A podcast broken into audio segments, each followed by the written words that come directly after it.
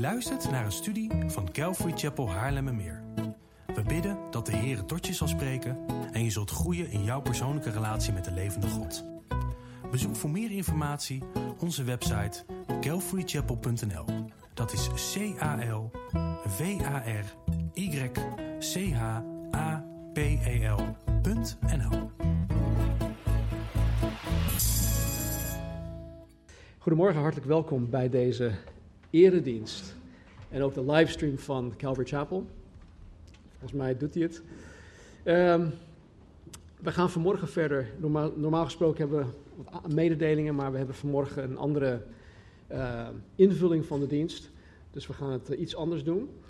Ehm, ja, bijzonder welkom aan degenen die van ver af zijn gekomen. Uh, ik zie hier uh, Ibele en Klaske en hun gezin die helemaal uit uh, Kollemerzwaag, Friesland, hier naartoe zijn gekomen. Dat is pas commitment, om twee uur in de auto te zitten om hier te komen. En natuurlijk ook jullie ook die hier voor het eerst zijn. we gaan vanmorgen verder met de preekserie Route 66, waarin wij elk bijbelboek met elkaar in vogelvlucht doornemen. Om Jezus erin te ontdekken, om de belangrijkste levenslessen voor ons als christenen eruit te halen. En gewoon ook om, om geestelijk te gaan groeien. We weten dat Gods woord voedsel is voor ons geest en voor ons ziel. En we weten dat dat ons ook zal doen groeien. En uh, zoals Jezus aan de zeven gemeenten in openbaring uh, dit aan het eind van elke brief schrijft, is dit. Hij zegt, wie oren heeft, laat hij horen wat de geest tegen de gemeente zegt. En vandaag gaan wij de tweede helft van het zestiende Bijbelboek met elkaar door, doornemen. En het zestiende boek is dan Nehemia. Dus uh, om het uh, ja, te blijven oefenen, laten we de eerste 16 Bijbelboeken met elkaar opnoemen. Gabriel, ik zie hem al lachen. Dus laten we beginnen. Genesis, Exodus, Leviticus, Numeri, Deuteronomium.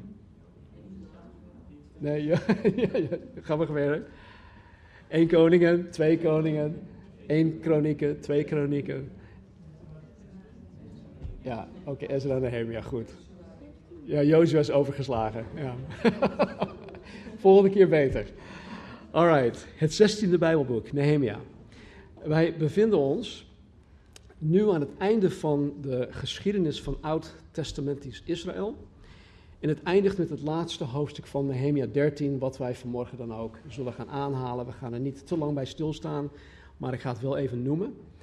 Uh, na het einde van Nehemia was er een periode van 400 jaar waarin God zichzelf totaal niet aan Israël had geopenbaard. Uh, niet door rechtstreekse um, openbaring dat hij met iemand uh, persoonlijk sprak, noch door middel van zijn profeten.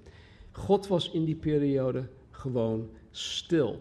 En daarom wordt deze periode dan ook de stille jaren genoemd. Dat is een periode van 400 jaar. Nou, in deel 1 van de studie stopten wij bij hoofdstuk 6, waarin wij het volgende lazen. En dat is dan in hoofdstuk 6, vers 15 en 16. Er staat: De muur, dus de stadsmuur van Jeruzalem, werd op de 25ste van de maand Elul voltooid, na 52 dagen. En het gebeurde toen al onze vijanden het hoorden dat alle heidevolken rondom bevreesd voor ons werden en in hun eigen ogen zeer in achting daalden. Want zij wisten dat dit werk van onze God uit gedaan was. Nou, de muur is nu dus klaar in het verhaal. Jeruzalem is veiliggesteld. En de taak van Nehemia als bouwmeester, die taak zit er nu op. En alle mensen rondom Jeruzalem wisten dat, um, dat dit um, Nehemia en de Joden niet zou zijn gelukt zonder de bovennatuurlijke kracht van de levende God van Israël. Dat heeft iedereen in hun omgeving gewoon um, herkend en erkend. Het was dus niet slechts een getuigenis voor de Joden zelfs, voor de Judeërs, maar ook voor de niet-gelovigen om hen heen. En je zou haast denken dat nu het bouwwerk aan de muur klaar was, dat uh, Nehemia terug zou gaan naar het paleis van de koning Artasasta. Want ja, hij, hij, was nog steeds in dienst van uh, Perzië en hij bleef nog steeds in dienst van deze koning als schenker, maar vervolgens ook als gouverneur of stadshouder van Jeruzalem en groter Judea. Maar in de tweede helft van dit boek, dus vanaf hoofdstuk 7 tot en met 13, zullen we zien dat het echte werk, het werk van het geestelijk herstel van de Joden, dat dat nog moest gebeuren. Ja, al het bouwwerk was klaar, tempel was klaar, uh, stadsmuur was klaar, uh, de stad zelf lag nog in, in, in, in puin. Want er waren geen woningen. De woningen die werden dan langs de muur gebouwd. En dat hadden zij gedaan. En dat zien we in, uh, in hoofdstuk 3. Maar voor de rest was de stad nog ja, weinig bewoond. En ja, dus dat, dat moest nog gebeuren. En in hoofdstukken 7 tot en met 13 zien wij Nehemia optreden als gouverneur van Juda. In samenwerking met onder andere Ezra de priester. Priester en schriftgeleerde. En hoofdstuk 7, dat begint met de volgende fase van de wederopbouw van de stad Jeruzalem. En er staat er in hoofdstuk 7, vers 1 en 2 dit. Het gebeurde toen de muur herbouwd was, dat ik de deuren plaatste en dat de poortwachters, de zangers en de levieten werden aangesteld. Toen gaf ik, dus Nehemia, met betrekking tot Jeruzalem een bevel aan Hanani, mijn broer, en aan Hanania, de bevelhebber van de burcht, want hij was een betrouwbaar man en godvrezender dan velen, tot zover. Nou, de volgende fase van dit, dit, dit cruciaal bouwproject was om de Joden voor te bereiden en hen aan God te wijden om God te gaan aanbidden volgens de Heilige Schrift, volgens de Bijbel. Eh, men denkt dat zij God zomaar kunnen aanbidden op een eigen manier, maar nee, God heeft daar voorschriften voor gegeven. En ja, vooral ook in het Oude Testament moest het heel precies gebeuren. En Gods doel met de herbouw van de tempel en de stadsmuur was om zijn volk in staat te stellen om hem, om, om God dus te kunnen aanbidden, in veiligheid. En dus nadat al het baksteen en mortelwerk, uh, bouwwerk klaar was, bouwt Nehemia aan zijn team en aan de nodige bedieningen. En, en hiervoor zet Nehemia de juiste mensen op de juiste plek. Hij had zijn broer Hanani aangesteld. Hij had hem aangesteld als burgemeester van Jeruzalem. Want ik denk dat omdat Nehemia binnenkort weer terug zou moeten gaan naar Perzië, moest hij iemand betrouwbaar aanstellen uh, over de stad Jeruzalem. En deze Hanani was dezelfde broer die Nehemia in hoofdstuk 1 het slechte bericht over Jeruzalem gaf. Hij was kennelijk een betrouwbare en ook een capabele man. En hij had zeker hart voor God en hij had ook hart voor Gods volk, voor de gemeente. En het was zijn bericht aan Nehemia in hoofdstuk 1 dat alles op gang had gezet. Dus het is niet een onbelangrijk iemand. Wat ook opmerkelijk is, is dat hij een zekere Hanania, als bevelhebber uh, van de burcht aangesteld had. Deze, of hij was bevelhebber van de burcht in, in Perzië. En dat hij hem aangesteld had. Nou, deze, uh, een zekere James Montgomery Boyce, dat is een bijbelcommentator, die gelooft dat uh, Nehemia deze Hanania had aangesteld als wat wij nu kennen als korpschef van de landelijke politie. Uh, dat is geen geringe functie. Het is een, echt een hoge functie en, en zelfs toen was dat al een hoge functie. Deze Hanania was een collega van Nehemia in het paleis Suzan. Dus hij was sowieso een bekende voor Nehemia. Maar de reden waarom Hanania voor deze functie in aanmerking kwam, had puur te maken met het feit dat hij een betrouwbaar man was en godvrezender dan velen, wat hier ook staat. En wat zijn voorbeeld voor ons, anno 2020, zo belangrijk maakt, is het feit dat deze Hanania als een gelovige betrouwbaar en godvrezender dan velen werd gerekend. Houd het even vast. Hij was een gelovige en als een gelovige werd hij gekenmerkt als een betrouwbaar iemand, als godvrezender dan velen. Kijk, deze Hanania kwam in aanmerking voor deze functie als een gelovige. Zijn kwalificaties maakten hem geen gelovige. Maar eenmaal gelovig was het zijn betrouwbaarheid en zijn godvrezendheid waardoor hij in aanmerking kwam voor deze specifieke functie. En de vraag voor jou is dit. Nadat Jezus Christus jou van de zonde en van de dood heeft gered, nadat Jezus jou een nieuw leven heeft gegeven, eeuwig leven heeft gegeven, Nadat Jezus jou verzoend heeft met God de Vader, in die persoonlijke relatie die wij nu kennen. Nadat Jezus jou een glorieuze toekomst heeft beloofd en verzekerd. hoe betrouwbaar en hoe godvrezend ben jij als gelovige? Hoe godvrezend en hoe betrouwbaar ben ik als gelovige? Kijk, de reden waarom ik dit aanhaal, is omdat Nehemia op zoek was naar iemand die een specifieke functie zou moeten gaan bekleden. Nehemia had iets voor ogen en daarvoor had hij iemand specifiek nodig. Iemand die hij nodig had waar hij altijd op kon rekenen. Nehemia moest op deze persoon kunnen rekenen. En nu, nu jij en ik in Jezus Christus geloven, is Jezus op zoek naar jou, naar jou, naar jullie, voor iets specifiek in zijn koninkrijk. Jezus is op zoek naar jou voor iets specifiek in zijn koninkrijk. Maar de vraag is dan nogmaals: kan Jezus altijd op jou rekenen? En kijk, begrijp me niet verkeerd. We falen allemaal, we schieten allemaal tekort. Ik faal dagelijks. Maar zit daar, in, in, in, als je naar je leven kijkt, is daar een, een, een lijn in waarin Jezus van jou kan zeggen: Ja, Stan, ik kan op jou rekenen. Natuurlijk zijn er momenten dat dat niet zo is, maar over het algemeen kan Jezus op jou rekenen. Kan uh, Jezus jou als iemand betrouwbaar achten en Godvrezender dan meesten? Weet je, in mijn ervaring heb ik ontdekt dat wanneer ik vanuit mijn hoedanigheid iemand aanstel in een bepaalde functie, dat het dat het, het meest vruchtbaar en het minst stressvol voor mijn persoon zal zijn wanneer de desbetreffende persoon iemand is die betrouwbaar is. Iemand die Godvrezender dan meesten is, dan velen is. En waar ik dan vooral op let, is dit. Is, is zo'n persoon er altijd bij? Gewoon heel simpel. Is die persoon er? En, en, en, dan is het niet zo van, ja, hij moet er altijd bij zijn, of zij moet er altijd bij zijn, maar gewoon vanuit eigen initiatief is die persoon er altijd bij. Uh, pakt deze persoon dingen op zonder dat het aan hem of haar gevraagd wordt?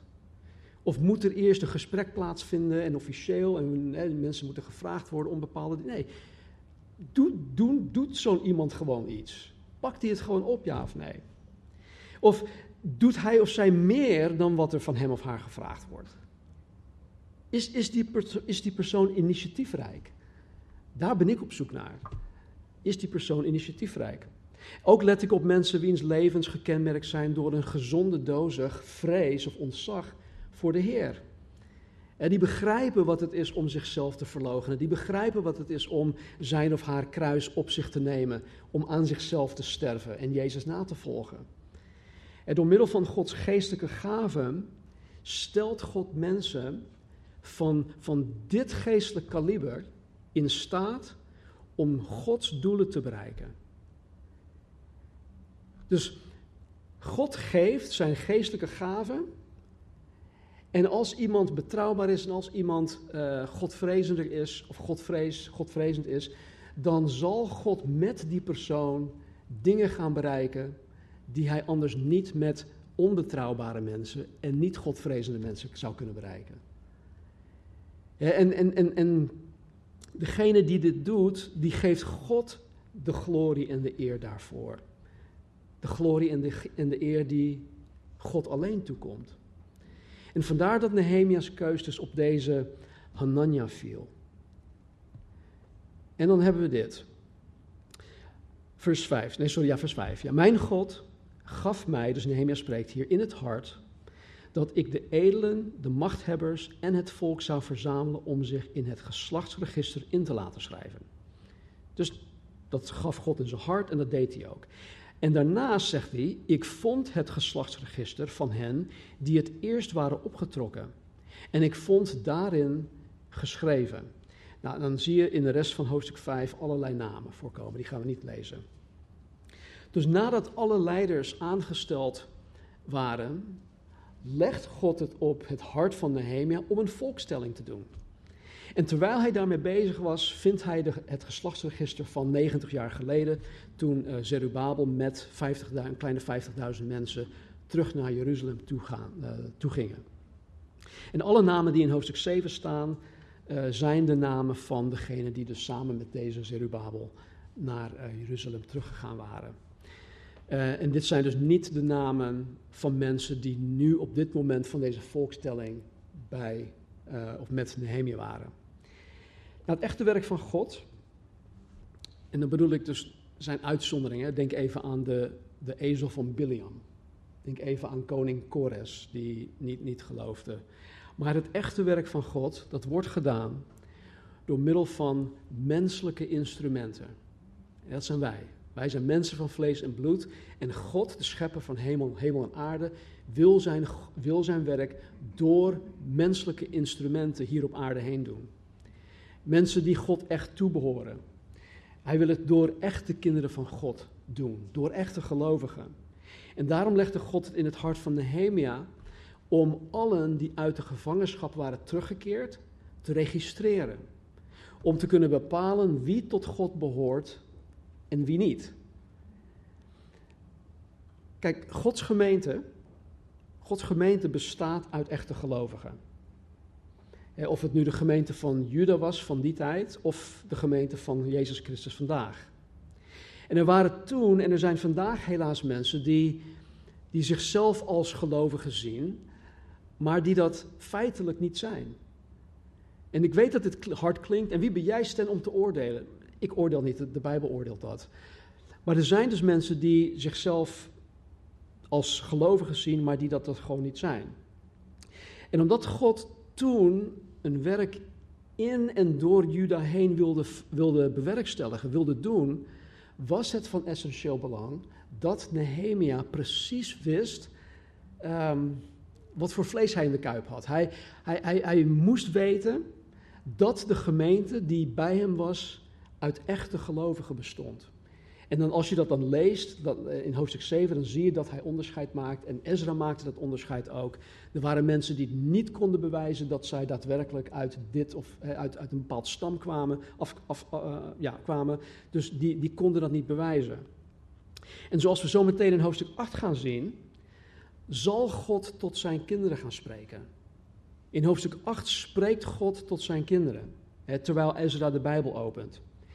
En ik weet niet of je hier ooit bij, bij stilgestaan hebt, maar de Bijbel, de Bijbel is geschreven voor gelovigen. Het is, het is geschreven voor gelovigen. Omdat het, uit een, eh, het bestaat uit geestelijke woorden, geestelijke woorden van eeuwig leven. De Bijbel is een geestelijk boek. En een niet wedergeboren mens zal de Bijbel niet begrijpen en het er grotendeels ook niet mee eens zijn. Op een subtiele manier zal zo'n mens bijvoorbeeld alleen de aangename Bijbelteksten uh, aanvaarden. En wat dan niet in zijn of haar plaatje past, dat wordt afgewezen. En vaak zegt zo'n iemand dan uh, dat hij of zij het wel eens is met de liefdevolle woorden van Jezus Christus, maar dat hij of zij het totaal niet eens is met de brieven van Paulus bijvoorbeeld. En Jezus is hartstikke lief, Paulus, nou, die, die is niet zo lief. Dus ik hou me aan de woorden van Jezus, maar niet aan de woorden van Paulus. Maar Jezus zegt, de geest is het die levend maakt. Het vlees, dus ons, ons lichaam, het vlees, dat heeft geen enkel nut. En dan zegt hij, de woorden die ik tot u spreek, zijn geest en zijn leven. En zonder hier al te diep op in te gaan, wil ik alleen dit zeggen. Jezus geeft hier aan dat het woord van God geest en leven is. Het woord van God is geest en leven. Het woord van God is dus alleen compatible met een wedergeboren iemand. Iemand wiens geest verbonden is met de geest van God door de wedergeboorte. Anders is het niet compatible met een mens die niet wedergeboren is. En dan staat er in, in uh, Paulus die schrijft bijna hetzelfde. In, uh, in 1 Korinthe hoofdstuk 2 vers 14 zegt hij, mensen zonder Gods geest nemen Gods boodschap niet aan. Ze vinden die boodschap onzin. Ze kunnen die boodschap ook niet begrijpen, want je hebt de geest nodig om Gods boodschap te kunnen beoordelen. Dus om het woord van God als zodanig te kunnen aanvaarden en ontvangen, zoals God het bedoeld heeft, moet men God toebehoren. Men moet wedergeboren zijn, geboren uit de geest. En dus voordat God tot de mensen in hoofdstuk 8 gaat spreken, wil hij dat Nehemia er zeker van is dat de gemeente in hoofdstuk 8 inderdaad uit echte gelovigen bestaat. Omdat deze gemeente degene zal zijn die God vervolgens zal gaan aanbidden en zal gaan dienen. Nou, in, uh, in Johannes zegt Jezus iets, iets heel passend. Hij zegt, er komt een tijd, en die tijd is nu gekomen, dat wie de Vader echt aanbidt, hem aanbidt in geest en in waarheid. Mensen die hem zo aanbidden, want God is geest, dus wie hem aanbidt, moet dat doen in geest en in waarheid. En simpelweg betekent dit dat als, als jij en ik God willen aanbidden, hè, dat wil zeggen als wij Hem intiem willen gaan leren kennen, Hem boven alles gaan liefhebben, Hem gaan dienen, door Hem gebruikt gaan worden, dan moeten wij het op Zijn manier doen. Wij moeten het op Zijn manier doen. En, en Zijn manier is dat wij wedergeboren zijn. Dat is de eerste vereiste. Nou, voor God om een echt werk te doen, dat zowel zichtbaar is, dat wij het kunnen waarnemen, als ook herkenbaar als Gods echt werk, dan, dan moet de persoon in wie en door wie God dit werk doet, hem toebehoren. door, middel van de weder, door middel van de wedergeboorte. Dus ik, ik blijf hierop hameren. God doet zijn werk door zijn echte kinderen. En waarom, waarom, waarom hamer ik hierop? hierop, hierop? Uh, er, zijn, er zijn namelijk veel kerkgangers in wat wij het christendom noemen. Er zijn veel kerkgangers die niet uit de geest wedergeboren zijn. En ik weet nogmaals, dit klinkt heel hard. En Stan, wie ben jij om te oordelen? Maar dit zijn mensen die, die beweren christen te zijn. Maar dat zijn ook mensen die dus niet op Gods voorwaarden tot God zijn gekomen. Ze zijn op een eigen manier tot God gekomen. En God heeft daar totaal geen boodschap aan, want Hij heeft Zijn boodschap aan ons gegeven. En wij moeten volgens Zijn voorwaarden naar Hem toe komen. Vele van dit soort mensen behoren tot plaatselijke kerken. Vele van deze mensen zijn zelfs kerkleden, die staan op de kerkledenlijst. Velen hebben zelfs bedieningen en verantwoordelijkheden in de plaatselijke kerk. Maar ze zijn niet echt een deel van de gemeente van Jezus Christus. Ze nemen deel aan de activiteiten van de organisatie van de kerk, maar ze zijn geen daadwerkelijk gewedergeboren leden die de kerk van Jezus Christus vormen. Dus in elke kerk, en ik, ik, ik heb dit waarschijnlijk al, al eerder gezegd, in elke kerkgroep die samenkomt, hè, of die dus die hier op deze planeet uh, bestaat, zijn er echte christenen en zijn er kerkgangers in die groep. En als je daar meer over wil, wil weten, lees bijvoorbeeld um, de gelijkenis in, je, in, in Matthäus hoofdstuk 13. Uh, er staat een gelijkenis in dat uh, iemand um, gaat zaaien en dan zaait iemand um, onkruid. En, en, en daarin wordt heel duidelijk door Jezus uitgelegd dat de gemeente, oftewel het, het christendom, gaat bestaan uit echte en niet-echte wedergeboren christenen. Nou, om het even um, nog te, uh, te, benadrukken, in uh, Matthäus hoofdstuk 7, vers 21 tot met 23 zegt Jezus dit.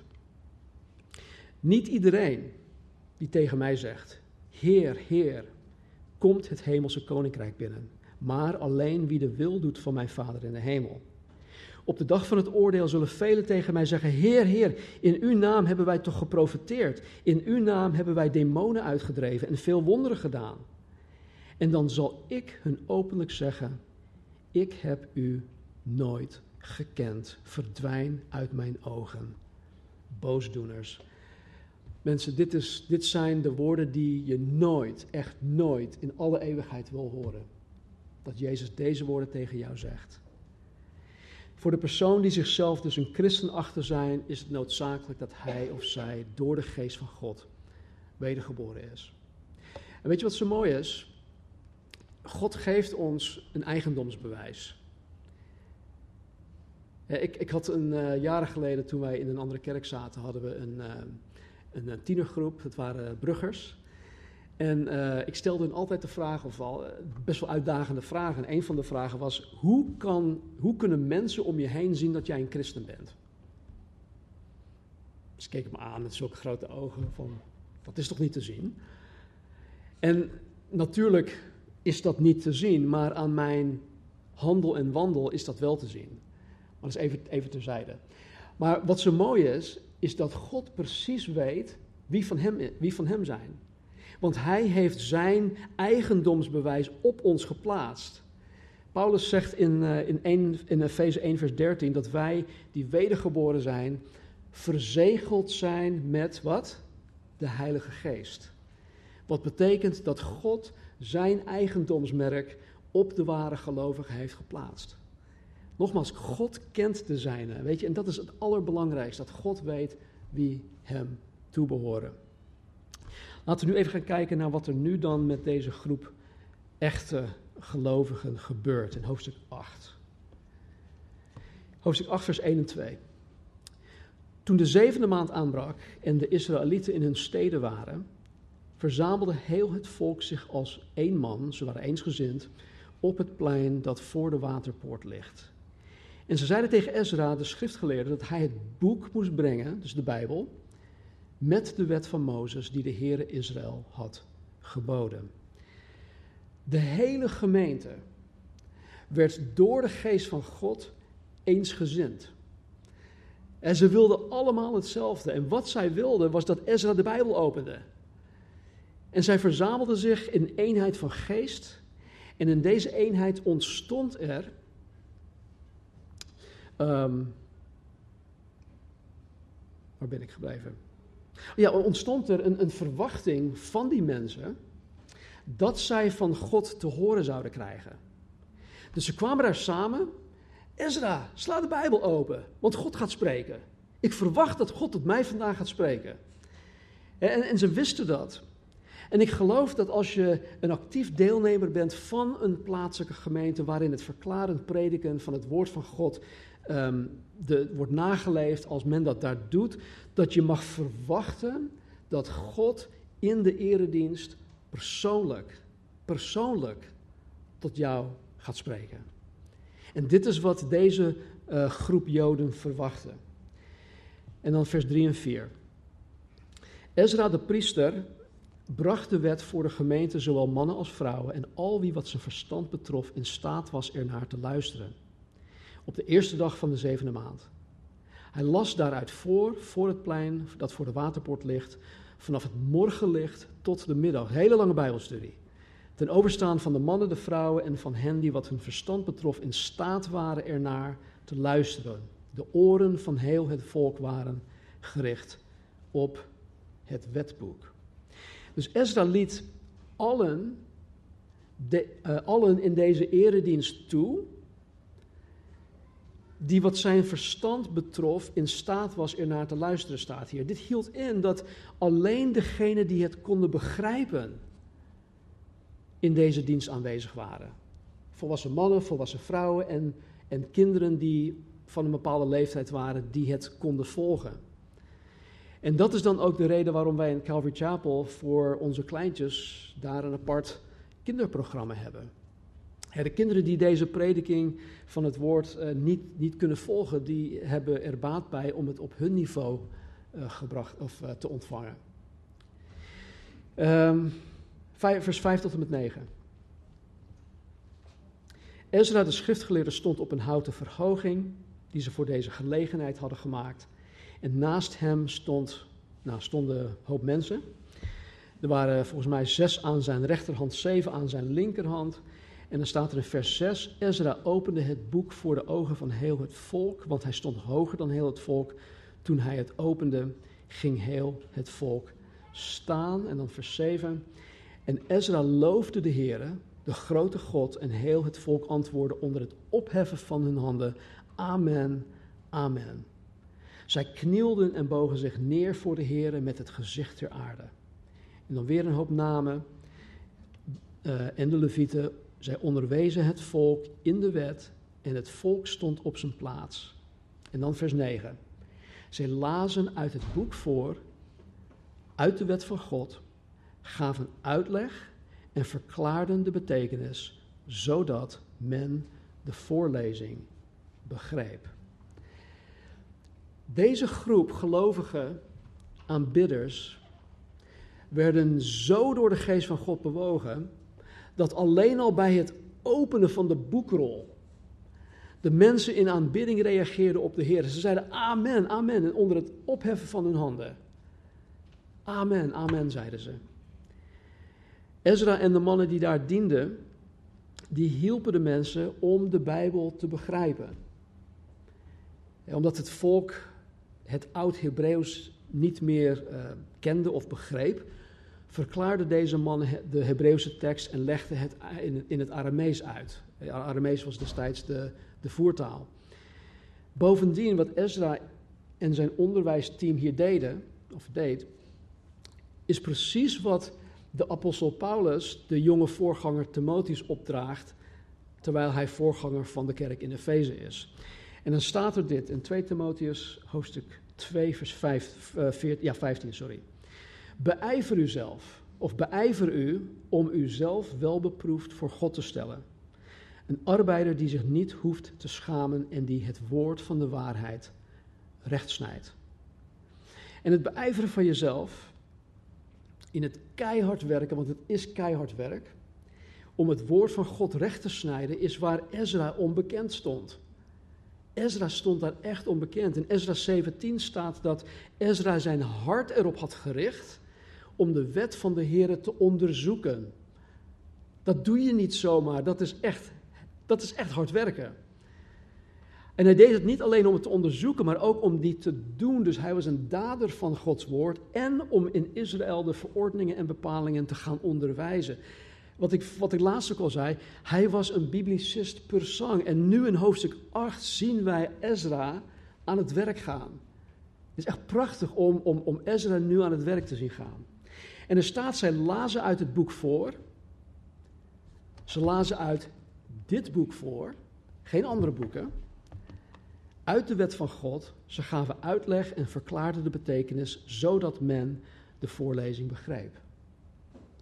En dit, dit is een, een, een schoolvoorbeeld van verklarend prediken. Namelijk dat zij nadrukkelijk uit de, uit de Bijbel voorlazen. En dat zij het hart van God, oftewel de, de geest, de bedoeling van de tekst, er, eruit haalden. Ze haalden Gods hart en Gods bedoeling eruit. En ze legden dat voor aan de mensen, ze legden dat uit op een uh, verstaanbare en op een relevante manier. En door deze methode van prediking en onderwijs te hanteren, hielpen zij de gemeente het woord van God te snappen. Ze hielpen de gemeente het woord van God in hun eigen levens dan ook toe te passen. En het gevolg hiervan is dat de gemeente er respons op gaf. En dat is ook altijd het geval wanneer wij het woord van God ook echt ontvangen en toe-eigenen. Er, er, er hoort een respons vanuit ons, het diepste van ons hart te gaan komen. En wat gaan, dat gaan we zo meteen ook lezen. En dit is waarom wij als Calvary Chapel het verklarend prediken van het woord van God de hoogste prioriteit geven. Ik weet, misschien is het voor sommigen van jullie vervelend om dat elke keer te horen. Maar dit, dit heeft bij ons gewoon de hoogste prioriteit. En we hebben dit niet zelf verzonnen. We hebben dit niet uit een, een, een kerkprogrammaboekje gelezen.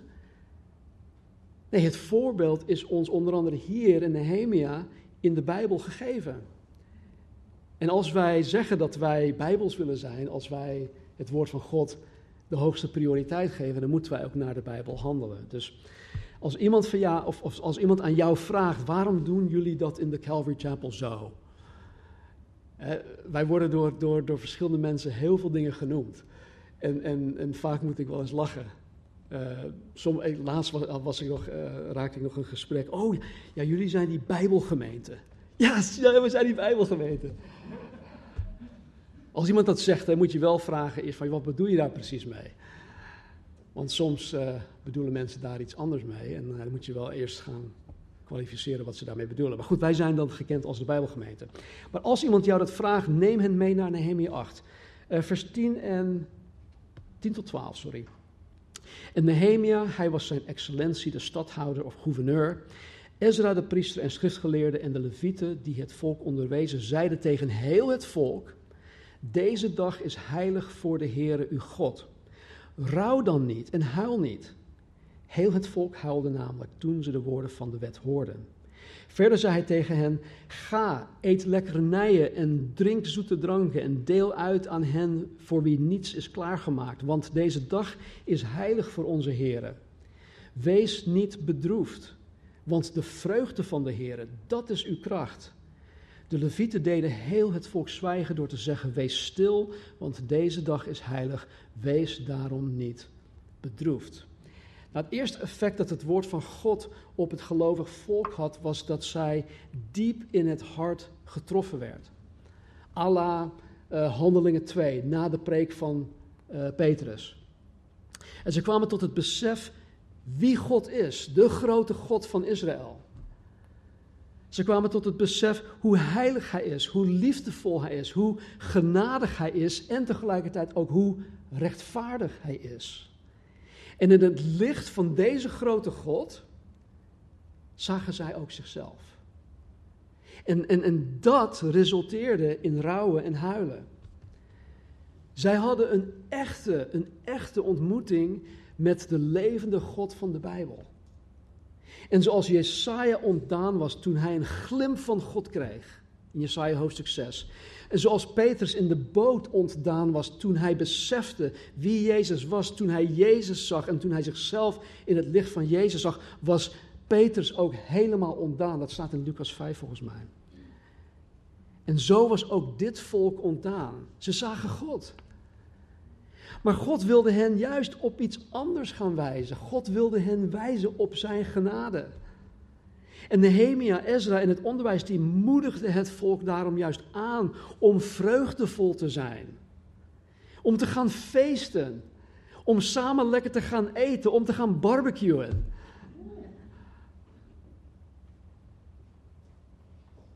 Barbecuen kan ook trouwens met, met groente, hè? dus het hoeft niet per se vlees te zijn. Dus laat je niet op je tenen trappen. Het was ook een tijd om uit te delen, zoals we dat tijdens de kerst doen. het, het wordt dit jaar een stuk lastiger.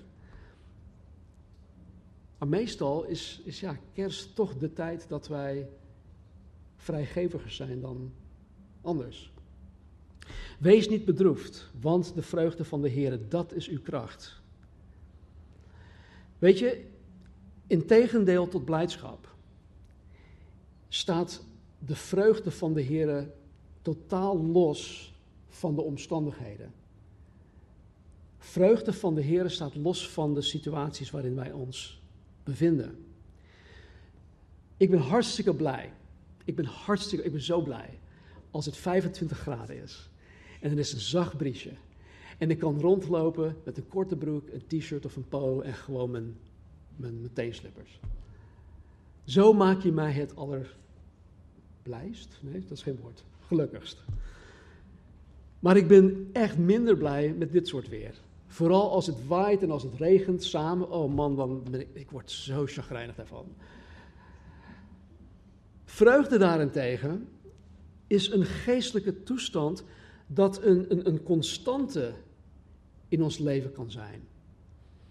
Het kan een constante zijn, zelfs in de meest verschrikkelijke omstandigheden kunnen wij de vreugde van God ervaren. Ik weet dat het klinkt, het klinkt raar, het klinkt uh, tegenstrijdig, maar het is echt zo.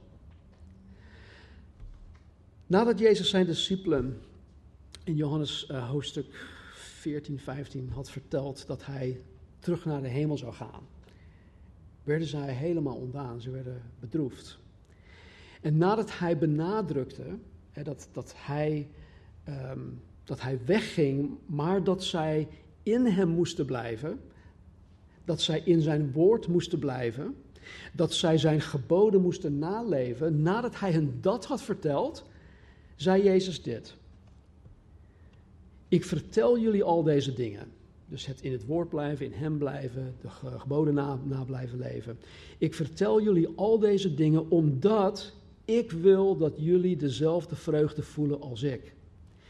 Ik wil dat jullie vreugde volmaakt is.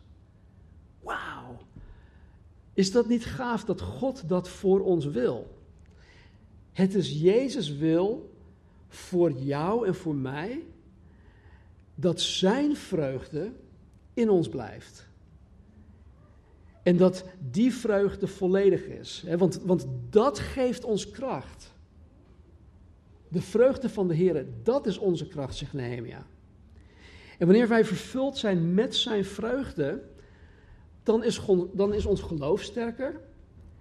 Dan is ons vertrouwen op God veel groter. Is, dan is ons besef dat Hij onvoorwaardelijk van ons houdt. En dat Hij altijd en alleen het allerbeste voor ons voor ogen heeft. Dan is dat besef veel dieper. Daarom zegt Nehemia, de vreugde van de Heer is onze kracht.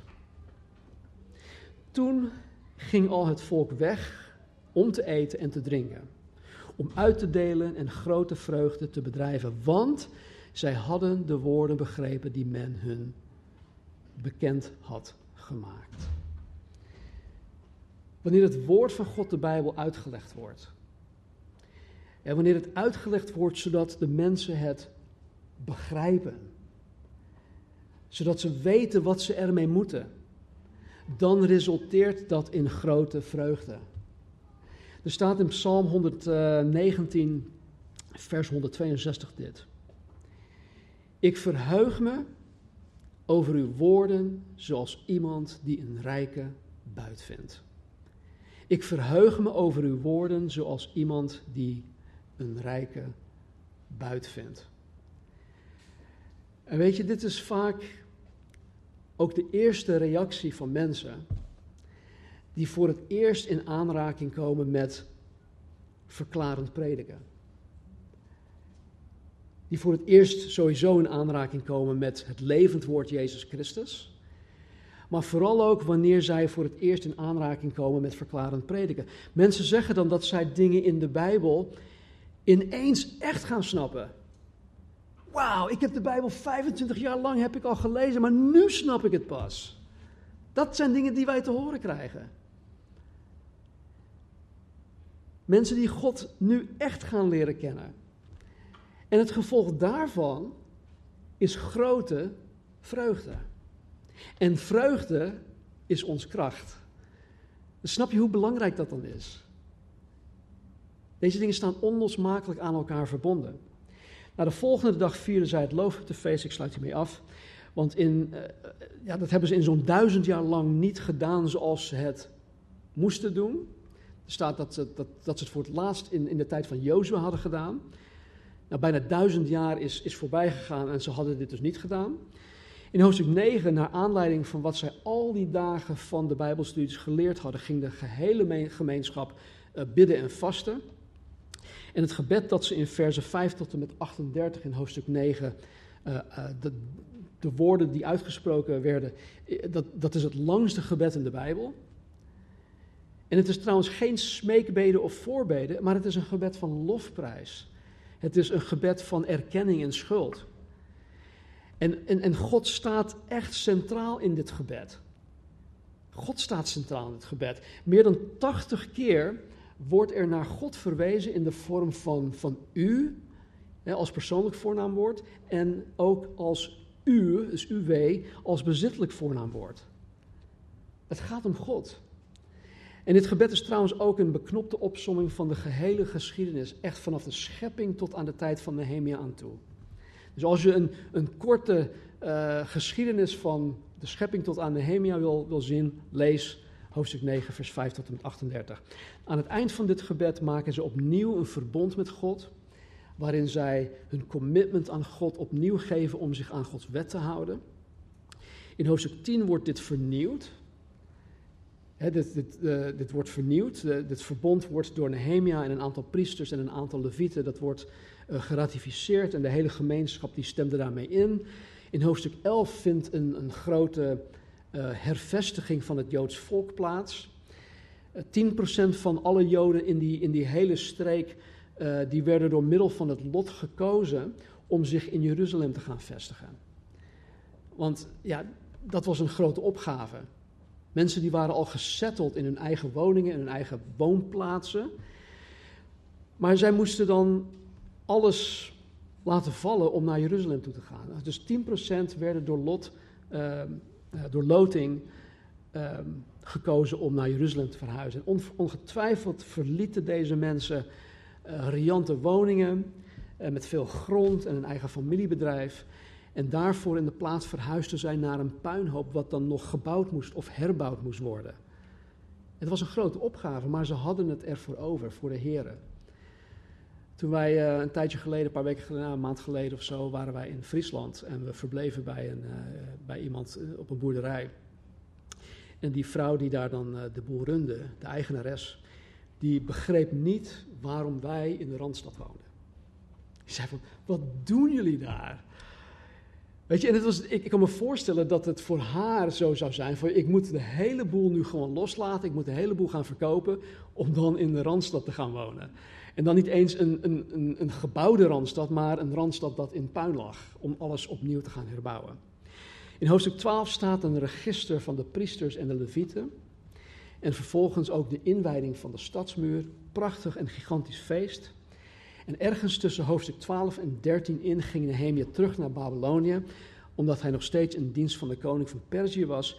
En terwijl hij weg was, terwijl hij weg was, gebeurde er in Jeruzalem heel veel foute dingen. Helaas. En in hoofdstuk 13 staat wat er allemaal fout ging en hoe Nehemia op zijn terugkomst in Jeruzalem daarop reageerde. Het is ook echt aan te raden om dit te lezen, want dan zie je hoe radicaal Nehemia was voor de zaak van God. Als je Nehemia 13 leest, lees dan ook meteen Malachi, hoofdstuk 1 tot en met 4, want dat heeft betrekking op de situatie in Nehemia 13. Oké. Nehemia en Ezra zorgden ervoor dat, dat het volk terugkeerde naar de Bijbel.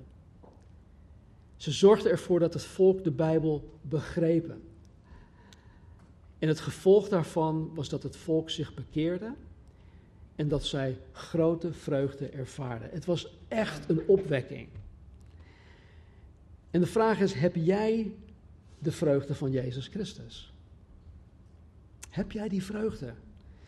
Of wordt die vreugde van jou ontnomen? Berooft de Satan jou van die vreugde. Berooft de wereld, de omstandigheden jou van die vreugde. Is Gods vreugde een constante in jouw leven of ben je afhankelijk van de omstandigheden in jouw leven? Behoor jij God überhaupt toe? Ben jij wedergeboren? Begrijp jij het woord van God wanneer het hier verklaard wordt? Laten we bidden. Hemelse Vader, dank u wel dat u ons uh, Nehemia hebt gegeven. O Heer, ik, wil zo graag de diepte in met Nehemia.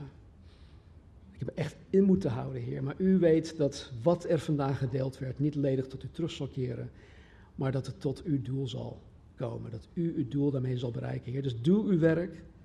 Doe uw werk in ieder van ons, degene die ook meekijken. En Heer, verheerlijk u zelf hierin. Dat vragen we in Jezus' naam. Amen.